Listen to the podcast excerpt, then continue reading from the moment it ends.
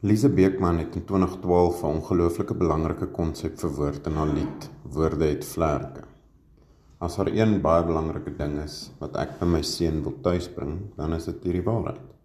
Lise begin haar lied met die vraag: Het jy vergeet woorde het vlerke? Mans is deur die eeue heen uitgeweeld as hierdie brawe, sterk spierdiere wat emosioneel onaangeraak is en nie emosies toon nie. Jy mag nie huil nie en jy kry nie seer nie. My vraag is: Hoeveel mans is deur hierdie eeue heen juis geknak en verguis as gevolg van die onnoosel denkwyse? Word dit nog altyd seerder gemaak as vyshou en seuns moes vir jare woorde verduur, soos jy 'n moffie of hoop om 'n sussie te wees. Mans huil nie, ruk jy reg. En so kan dit aangaan. Die ouer garde mans het neergesien op seuns. Kon sy is beter weer terug in hul eie mislukte pogings om man te wees. En die mans het seuns met woorde geknak. Lisa herinner ons, dit begin by gedagte. 'n wete, 'n keuse in jou kop wat jy dan sif deur die gate in die pype van jou hart of nie. Dan gaan die boodskap na jou tong, jou lippe en jy sê dit hardop. Jy verloor alleen reg of jy ooit die reg gehad het of nie. Dit word 'n gedagte, 'n wete, 'n keuse in 'n ander een se kop wat dit sif deur die gate in die pype van hart of nie. Die boodskap gaan na tong, lippe en 'n ander een sê dit. Hardop en jouself veroorloofde alleenreg woorde draai, mal, kolk en stort en word asof volksbesit.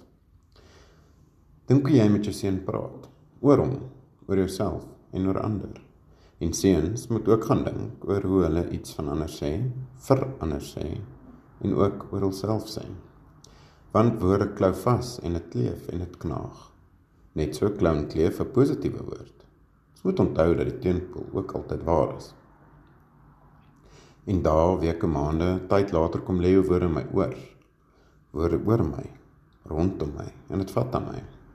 En ek probeer en probeer en weer om dit te sif sif sif deur die gate in die pype van my hart, maar dit lê soos klippe in 'n sif van die fynste oogiesdraad. En ek dink dit vergeet. Woorde het vlerke, dit vlieg. En hoe langer die vlug, hoe meer raak die vlerke. En dit sak laer en laer en laer en ek wens jy het my oë gekyk en die woorde oor my liefs in my kom lê. Dan was die vlug soveel korter, die vlerke soveel sterker en ons albei kon vlieg. Daar's of nie die uitdrukking stel jou woorde of sit te wag vir jou mond.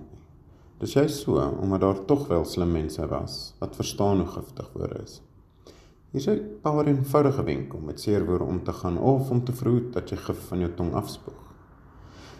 Dink altyd twee keer voor jy iets sê dink na of jy dit dalk anders kan sê of op 'n ander tyd kan sê. Mense soms onder druk om die daad om op die daad te reageer en dit is nie altyd die wenslikste nie. As 'n mens iets uit liefde vir iemand moet sê om hom te help, dink wat sal die beste manier wees om die boodskap oor te dra. Jy behoort jou kind in die geval te ken en te weet watter woorde meer aanklank by hom sal vind. Verstaan jou kind se situasie, plaas jouself in sy skoene en probeer indink hoe jy die situasie sou ervaar. Ek maak my ook skuldig aan dat ek soms nie kan verstaan hoe my 9-jarige seun iets nie kan begryp nie. Onthou, daar's 'n ouderdomsgaping van omtrent 30 tot 40 jaar tussen jou en jou seun. Kinders dink anders op verskillende ouderdomme. Jou kind volg jou voorbeeld. Let op hoe jy met jou vrou praat, wat jy rondom jou vriende sê en hoe jy oor ander mense praat. Die kans is goed dat jou seun soos jy sal optree. Leer jou kind hoe om in sekere situasies te reageer en hoe om sy woorde te tel. Ons sukkel jouself daarmee. Daar's nie handleiding oor vaderskap wat saam met kinders kom nie. Maar paas weet tog. Woorde het vlerke.